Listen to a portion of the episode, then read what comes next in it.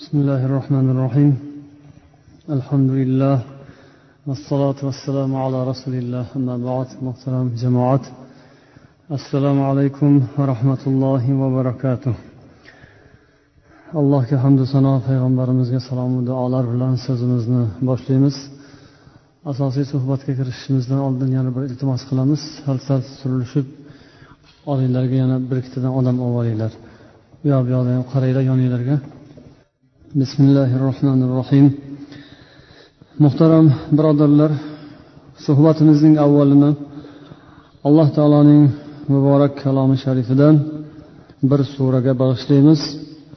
Namozlarimizda ko'pincha o'qiydigan fajr surasini avvalidan bir necha oyatni alloh taolo nasib etganicha tarjimalari ma'nolarining tarjimalari bilan tanishamiz.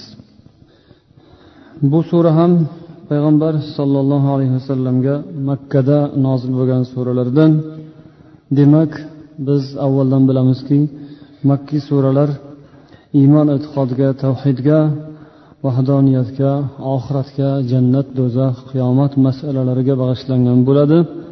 Chunki insonlarning ruhiy tarbiyalari iymon islom tarbiyalarining avvali mana shu ishonchdan e'tiqoddan boshlangani uchun alloh taolo avval boshlab nozil qilgan suralar makkada nozil qilgan suralarning mavzusi shu tavhid masalasi iymon e'tiqod masalasi bosh o'rinni egallaydi أعوذ بالله من الشيطان الرجيم بسم الله الرحمن الرحيم والفجر وليال عشر والشفع والوتر والليل إذا يسر. هل في ذلك قسم لذي حجر؟ ألم تر كيف فعل ربك بعاد إرم ذات العماد؟ التي لم يخلق مثلها في البلاد. وثمود الذين جابوا الصخر بالواد. وفرعون ذي الأوتاد الذين طغوا في البلاد. فأكثروا فكسروا فيها الفساد فصب عليهم ربك سوط عذاب إن ربك لبالمرصاد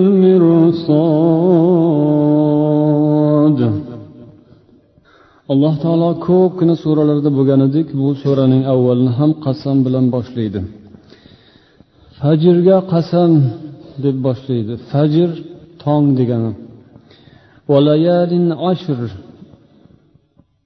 O'n kechaga qasam.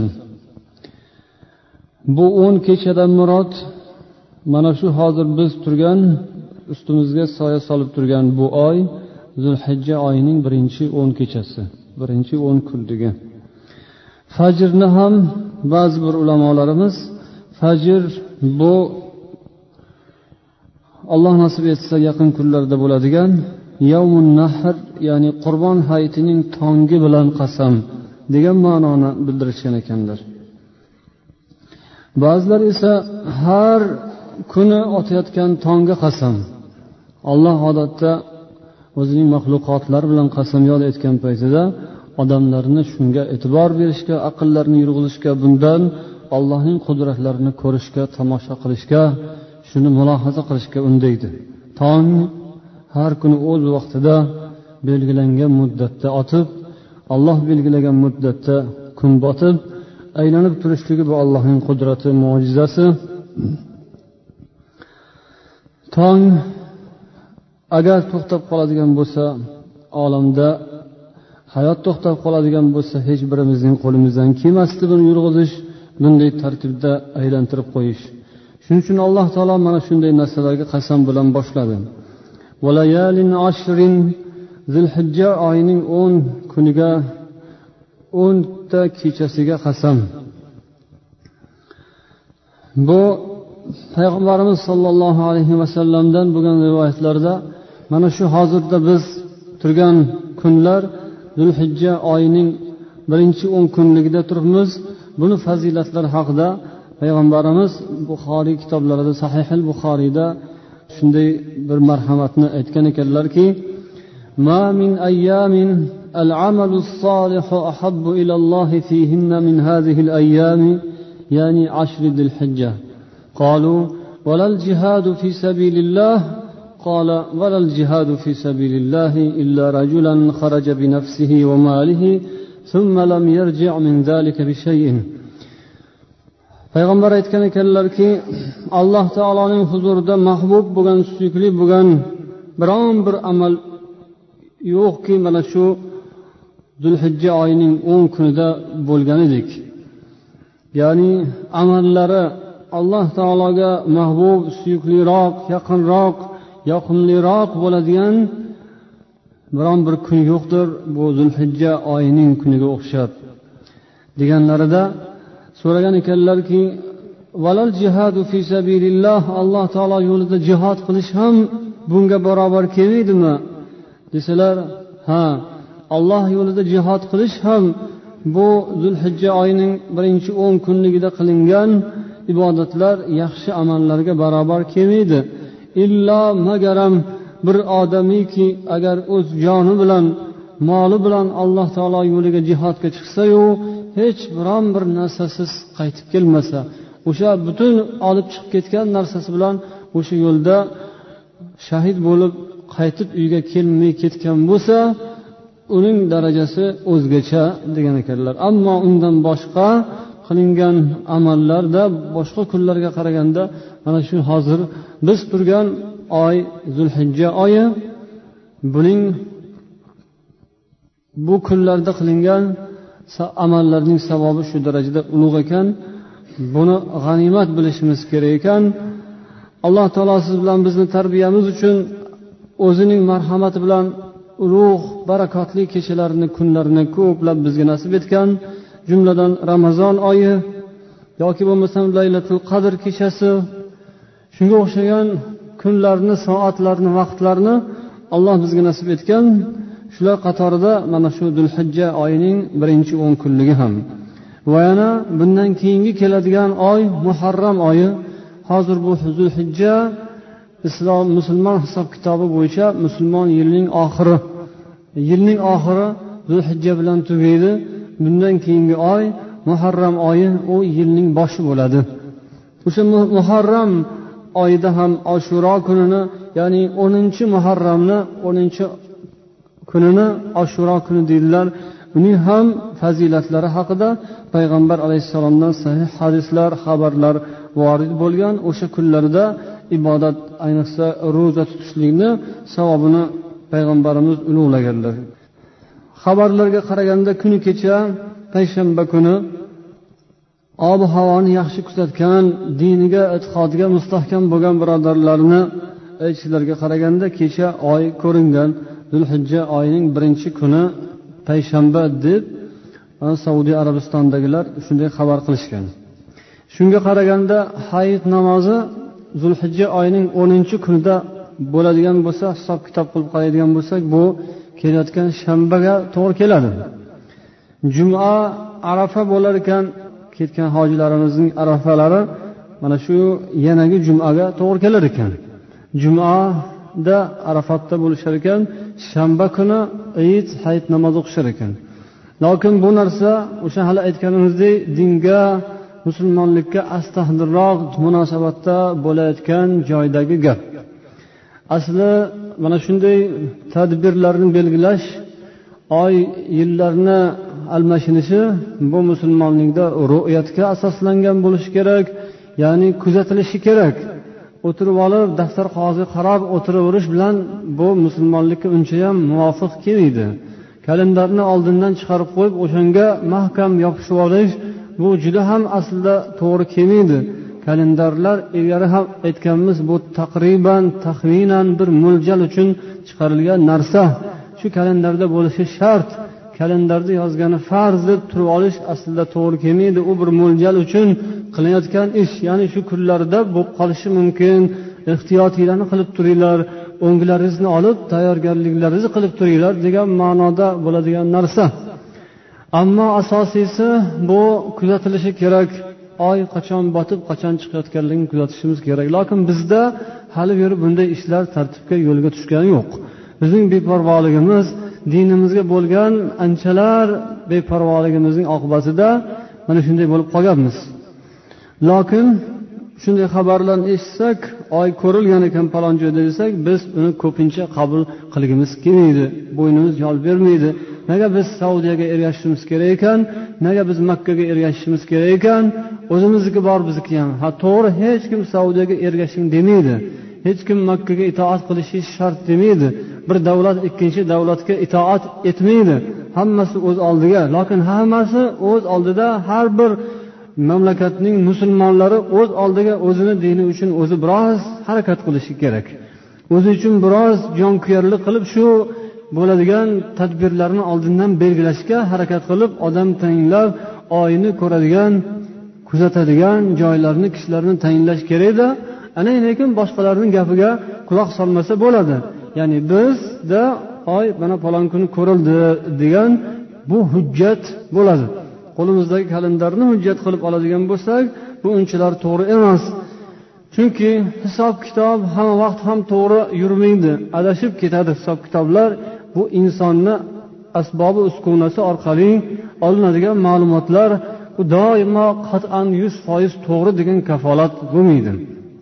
Agar shu hisob kitob bilan yuritish doimo to'g'rilikni kafolat qilganda edi masalan shu turkiyani kalendarga qarasangiz ularda bir kun keyin ya'ni yakshanba kuniga belgilashgan ekan. Balkim bir adashayotgan bo'lishi mumkin. Ya'ni uch xillik bor shu yerda. Bizda hozircha kalendarga qaraganda jumaga tayin qilingan juma kuni hayit id deb belgilangan payshanba kuni arafa deb belgilangan boshqa tomondan kelayotgan hozirgi xabarlarga qaraganda demak haj arafa jumaga tayinlandi u yerda. Shanba kuni hayit deb belgilangan. Turkiyada esa buni ham teskarisi butunlay boshqa. Turkiyaliklar buni hisob kitob bilan qilishgan. Makkadagilar hisob kitob bilan emas ru'yat bilan. Ular oyni kuzatishgan. Yangi oy zulhijja oyini chiqqanligi aniq bo'lgandan keyin haj kuni belgilanadi. Hech qachon oldindan falon chislada arafotga chiqiladi degan gap bo'lmagan bo'lmaydi. Hojilar hammalari dunyoning turli xil chekkalaridan borib yig'ilishib turadilar.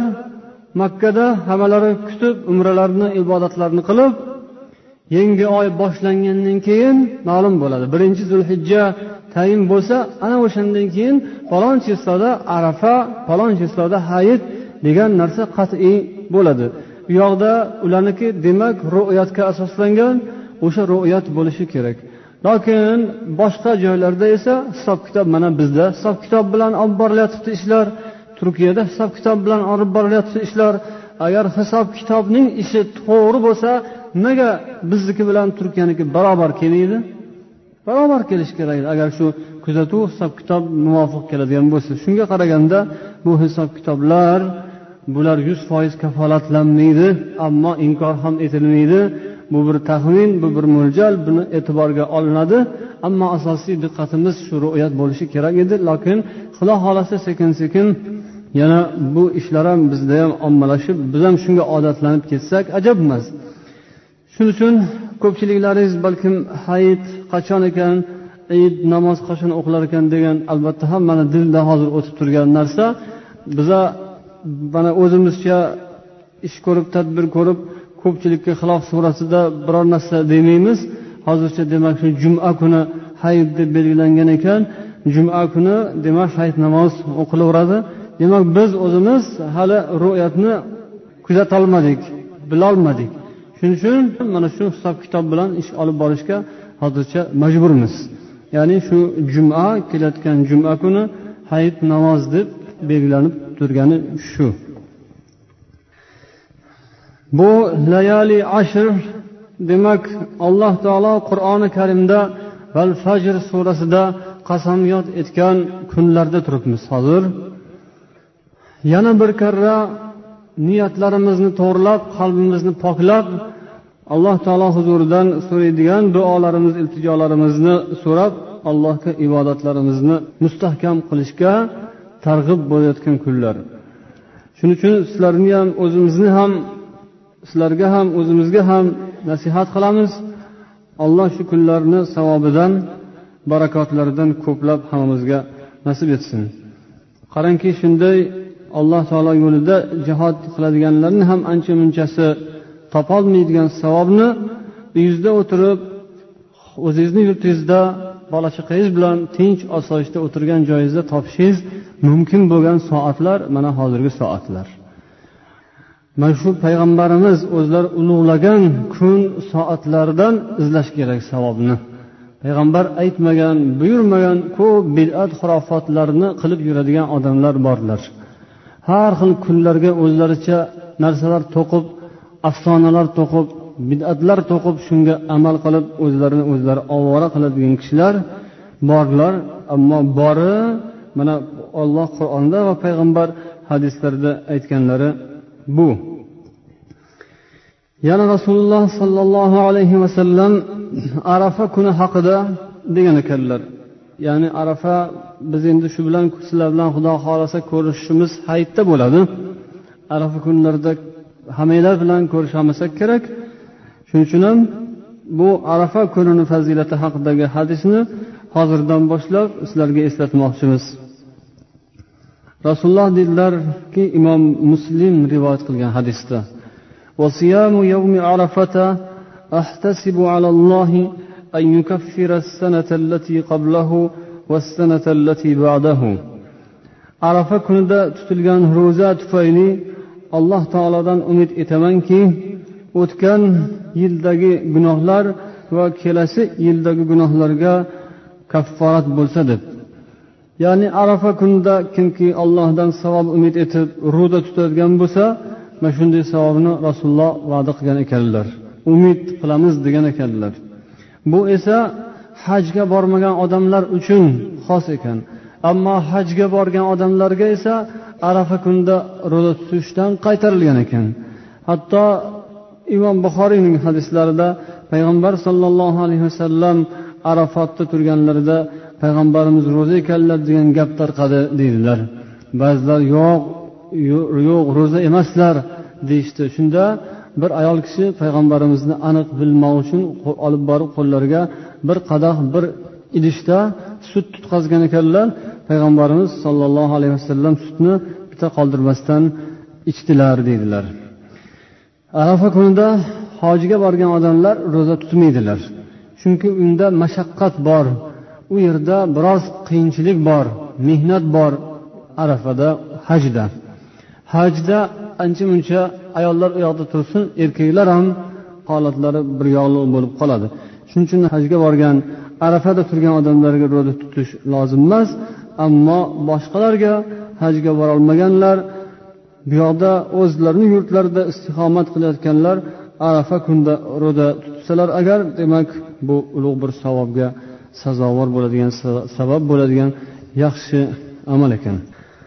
Suraning yana ma'nolarini anglashda davom etamiz.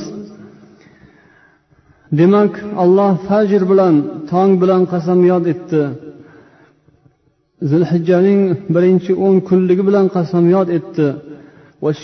Valvatr juft va toq bilan qasamyod etdi bundagi juftlik va toqlikni ham ma'nolarida ba'zi birlar juftdan murod bu o'sha hayit kuni nahr kuni qurbon hayiti kuni chunki u kun shu oyning juft kunlariga to'g'ri keladi ya'ni o'ninchi zilhijja bu juft bo'ladi toqi esa bu arafa kuni chunki arafa nechinchi kuni to'qqizinchi kuni bo'ladi. Zilhijjaning to'qqizinchi kuni bo'ladi.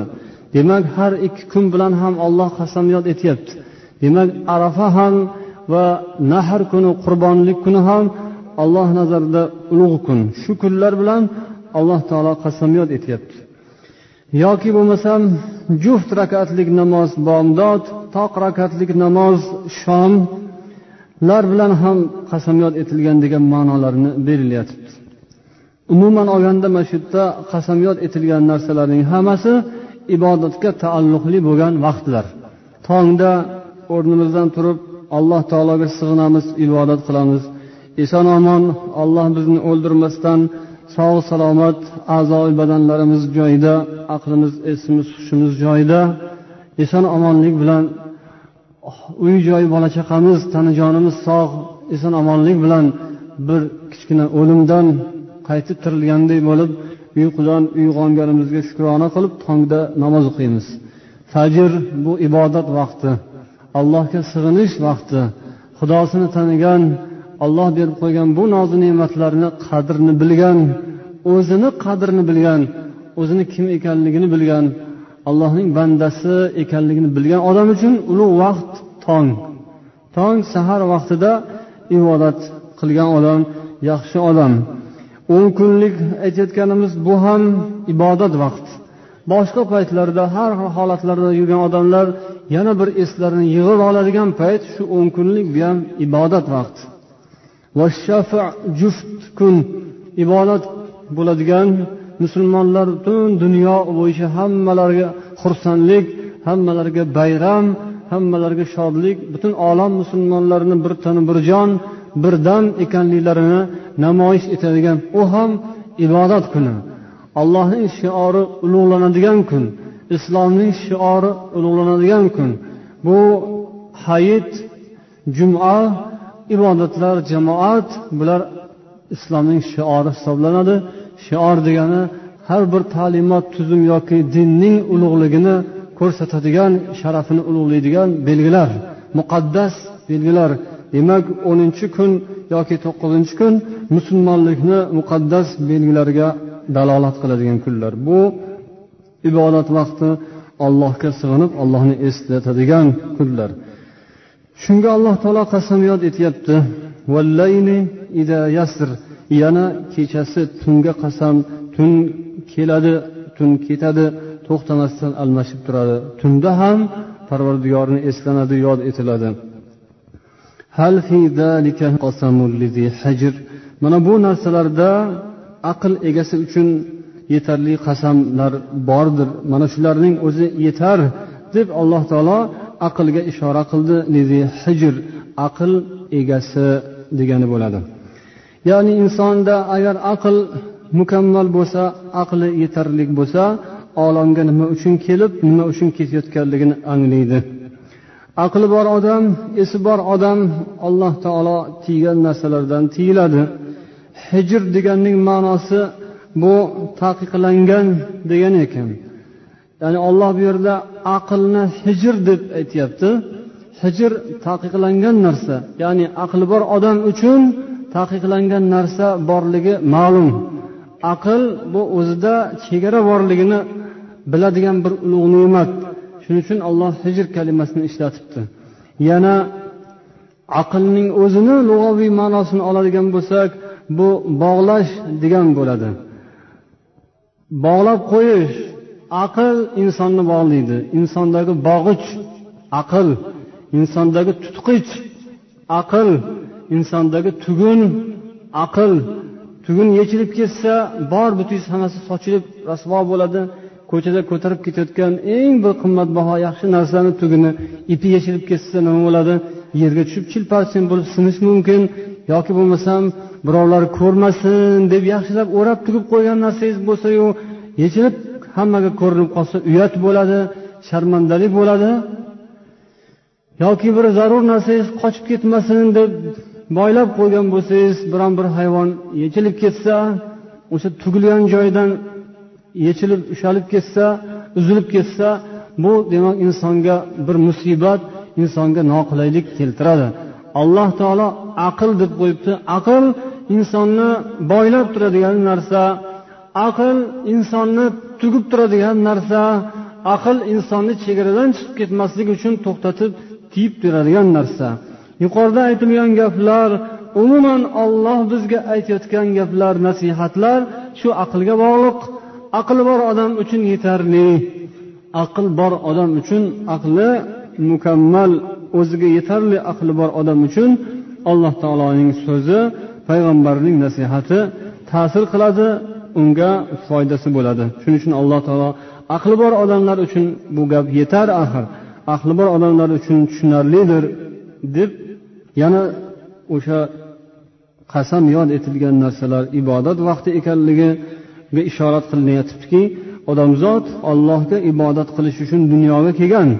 Inson hayotda yashashdan dunyoda umr o'tkazishdan maqsad murod hikmat hayotning hikmati bu. Ibodat alloh taologa sig'inib o'tishlik.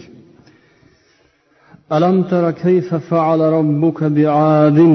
Bu yoqda alloh taolo aqllarini ishlatmagan aqllarini faqatgina pul topish moli dunyogagina sarflagan maishatgagina sarflab o'tgan qavmlarning holidan hikoya qiladi ألم تر كيف فعل ربك بعاد إرم ذات العماد parvardigoringiz od qavmiga qanday muomala qilganini ko'rdingizmi od qavmiga alloh taoloning qilgan qanday muomalasini bildingizmi Muol qavmi tarixda o'tgan alloh taoloni mustahkam kuchli quvvatli qilib ko'pchilikdan ustun qilib yaratgan qabila qavmlardan biri ekan. Ular alloh taoloni yo'liga yurmadilar.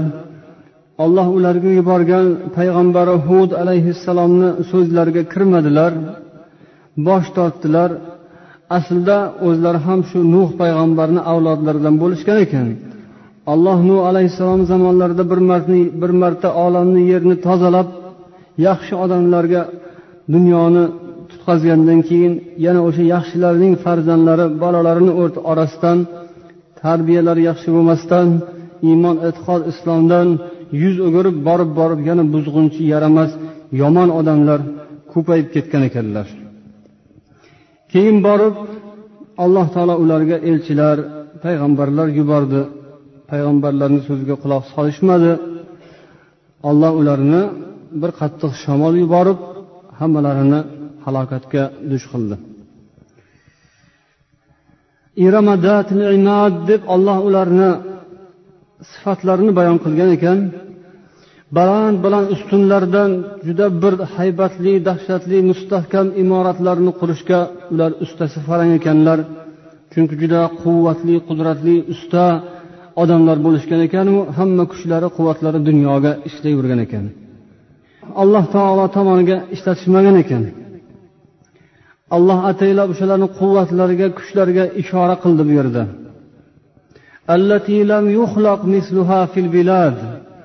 ular shunday kuch quvvatli qilib olloh tomonidan yaratilgan edilarki ularga o'xshagan kuchlilar boshqa qabilalarda boshqa qavmlarda yaratilmagan edilar.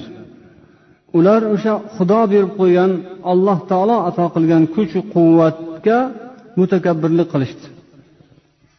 Ular o'zlarini biz yaxshi odamlarmiz. Biz o'zimizni aqlimiz bilan o'zimizni kuchimiz bilan bu narsalarga erishyapmiz deb o'ylabdilar. Ollohdan bo'layotganligini olloh ularga imtihon qilib berganligini ular eslariga olmadilar. Yana shunday qavmlardan alloh taolo samud qavmini ham hikoya qildi. Kattakon toshlardan harsanglardan yo'lib ular imoratlar qurib yurgan shunday umr o'tkazib o'zlarini ko'rsatib o'tgan samud qavmi. Va fir'avna dil avtad odamlarni turli xil yo'llar bilan azoblaydigan har xil uslublar bilan masalan qirqtadan qoziq qoqib o'zlariga yo'llariga yurmagan odamlarni oyoq qo'llarini o'sha qoziqlarga boylab qattiq azob berib odamlarni o'ldirgan xudolik davo qilgan fir'avn ular mamlakatda zo'ravonlik qilib o'zlarini katta olib mutakabbirlik qilib allohning bandalariga zulm o'tkazib u yerda fizqu fasod yaramas ishlarni ko'plab tarqatgan kishilarga va oxirida alloh taolo ularga azobu uqubatni boshlariga yog'dirib ularni halok qilgan kishilarga allohni mana shunday muomalalarini ko'rmadingizmi? deb olloh oxirida ibrat namuna olishga chaqiradiki inna robbaka labil mirsod. Alloh taolo parvardigoringiz hamma olamni dunyoni kuzatib turgan hammani o'zini nazoratida saqlab turgan zotdir hazrati hud payg'ambar o'zlarini qavmlariga kelib nasihat qilgan vaqtlarida aytgan ekanlarki واذكروا إذ جعلكم خلفاء من بعد قوم نوح وزادكم في الخلق بسطة فاذكروا آلاء الله ولا تعثوا في الأرض مفسدين ya'ni boshqa bir oyatda xuddi mana shularga taalluqli bo'lgan kalimalarni olloh keltirgan ekan. Ya'ni ey qavmim sizlar alloh taolo nuhning qavmidan keyin sizlarni yer yuziga xalifa qilib sizlarni xilqatda molu dunyoda davlatda kuchli qudratli qilib qo'yganligini eslang degan.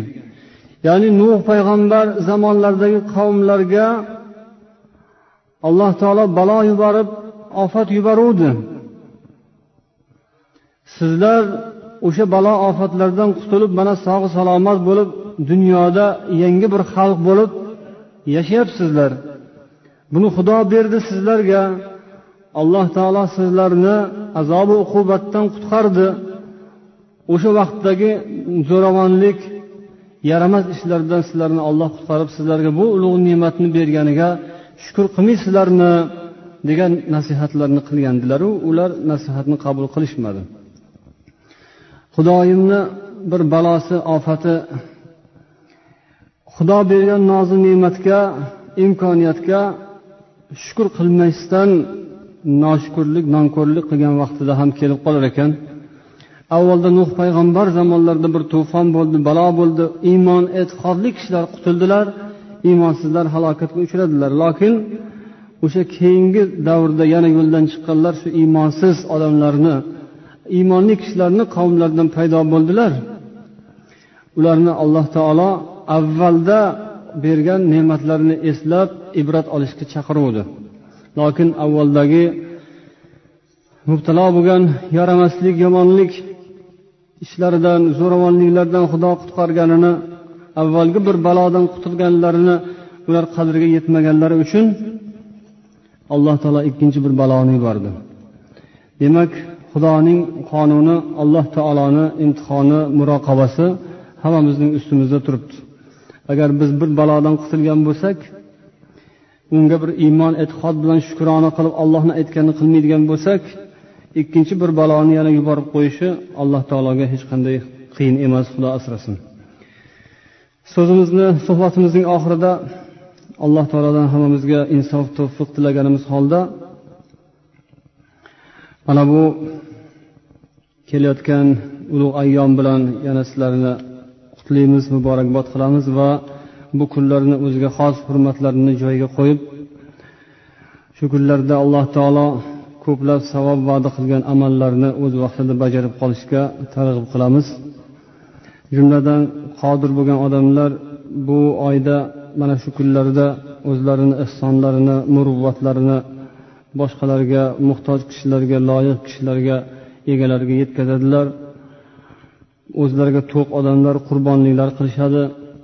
Qurbonlik bu moli zakotga yetgan nisobga yetgan odam qilishi kerak bo'lgan vojib yoki bo'lmasa ba'zilar sunnat deganlar sunnat amallaridan qo'ldan kelgan odamlar bu narsani ado qiladilar. Payg'ambarimiz sollallohu alayhi vasallam bir hadislarida kimki agar sizlardan mandaha minkum fala yusbihanna ba'da thalathatin va baqiya fi baytihi minhu shay'un degan ekanlar ya'ni kimki qurbonlik qilgan bo'lsa uch kunning ichida hech narsa qoldirmasdan hammasini tarqatib egalariga yetkazsin degan ekanlar bu qurbonlik boshida joriy bo'lgan vaqtida yanagi yil kelgusi yil kelgandan keyin so'rashgan ekanki yo rasululloh o'tgan yili qilganimizdek qurbonlikni go'shtini uch kunni ichida tarqatib tamom qilishimiz kerakmi deb so'raganlarida payg'ambarimiz aytdilarki kulu va atimu vaddakhiru فإن ذلك العام كان بالناس جهد فأردت أن تعينوا فيها endi bu yil sizlar qurbonliklaringizdan o'zlaringiz yenglar va boshqalarga ham beringlar va o'zinglar keyingi kunlarda yeyish uchun olib saqlab qo'yinglar o'tgan yili esa odamlarda ocharchilik qahatchilik muhtojlik ko'p bo'lgani uchun men shunga buyurgan edim bir birlaringizga yordam beringlar yo'qsillarni yo'qlanglar degan ma'noda hammanglarga bu hayit id barobar bo'lsin degan maqsad bilan uch kun ichida qoldirmasdan tarqatib yuborishga buyurgandim degan ekanlar. Demak bundan ko'rinadiki odamlarni holi odamlarni iqtisodiy sharoitlaridan kelib chiqib bo'ladigan ish bu qurbonni qiladigan odamlar atrofdagilarni yon veridagilarni hollaridan xabar olish uchun mo'ljallangan id bayram xursandchilik hammaga barobar bo'lsin uchun shu qurbonni qilingan hayvonning go'shtlarini tezroq tezroq egalariga tarqatish yaxshi bo'lar ekan. Ammo uch kundan o'tib ketsa ham joiz. Lokin o'sha sharoit taqozosi bilan tezroq joyiga yetkazilishi bu afzal. Keyingi kunlarda ham iste'mol qilish uchun o'zlariga olib tuzlabmi boshqa qilibmi saqlab qo'ysalar joiz bo'ladi. Bundan ko'rinadi musulmon odamlar mana shu hayit kunlari bayram kunlarini qanchalik ulug'lashsa din shuncha ulug'langan bo'ladi. Boshqa odamlarni boshqa din vakillarini oldida musulmonlikni mustahkamlash ayniqsa hozirgi kunda boshqa kunlarga boshqa vaqtlarga qaraganda ham jiddiylashib boryapti. Jumladan ana xristianlar arzigan arzimagan narsalarni bahona qilib odamlarga sovg'a salomlar kitoblar ulashib kasalxona qolmasdan do'xtirxonayu qamoqxona qolmasdan bozoru mozoru hech qayer qolmasdan hamma yerga tiqilib suqilib hamma yerda o'zlarini o'sha yomon niyatlarini targ'ib qilib o'tkazib odamlarni yo'ldan urib yuribdilar. Mana bu kunlarda ham agar musulmonlar beparvo bo'lishsa unda xudodan juda katta bir gunoh orttirib olsa kerak xudoyim asrasin. Mana shu bayram bu ulug' kunlarni sharofatidan shu kunlarni barakotidan hammamiz barobar foydalanishimiz uchun bu kunlarni e'lon qilish kerak mana shu kunlarni odamlarga tanishtirish kerak. Shu kunlarda deylik mayli o'sha qo'lida uch to'rt so'mi bo'lgan ozgina daromadi bo'lgan odamlar bayram munosabati bilan deb mayli qaysidir bir bog'chaga deysizmi yoki biron bir maktabga deysizmi yoki biron bir shunday bir jamoat joylariga deysizmi borib bu hayitlik mana bu palon tashkilotdan bir qurbon hayiti munosabati bilan sovg'a mana bu qurbonlik degan tarzda ishlarni amallarni yo'lga qo'yish bu ham musulmonlikni islomni sharafini ulug'lash bo'ladi. Hamma o'zi bilan o'zi ovora bo'lib o'tiraversa faqat uyda o'zini topganini o'zi yeb o'zi bilan o'zi mashg'ul bo'lib o'tiraverish bu ham musulmonlikni tabiatiga to'g'ri kelmaydigan narsa. Alloh taolo bu kunlarni hammamizga barobar xursandchilik savobu barakotli kunlardan bo'lishini o'zi nasib ro'za aylasin xonadoninglarga alloh taolo barakot rahmat hidoyat nasib etsin bu yerda savollariga xudo xohlasa keyingi jumalarda javob beramiz سبحانك اللهم وبحمدك أشهد أن لا إله إلا أنت أستغفرك وأتوب إليك اللهم صل على محمد وعلى آله وأصحابه أجمعين برحمتك يا أرحم الله أكبر. الله أكبر. الله أكبر. الله أكبر. أشهد أن لا إله إلا الله. أشهد أن لا إله إلا الله. أشهد أن محمدا رسول الله. أشهد أن محمدا رسول الله. حي على الصلاة حي على الصلاة حي على الفلاح حي على الفلاح. الله أكبر الله أكبر لا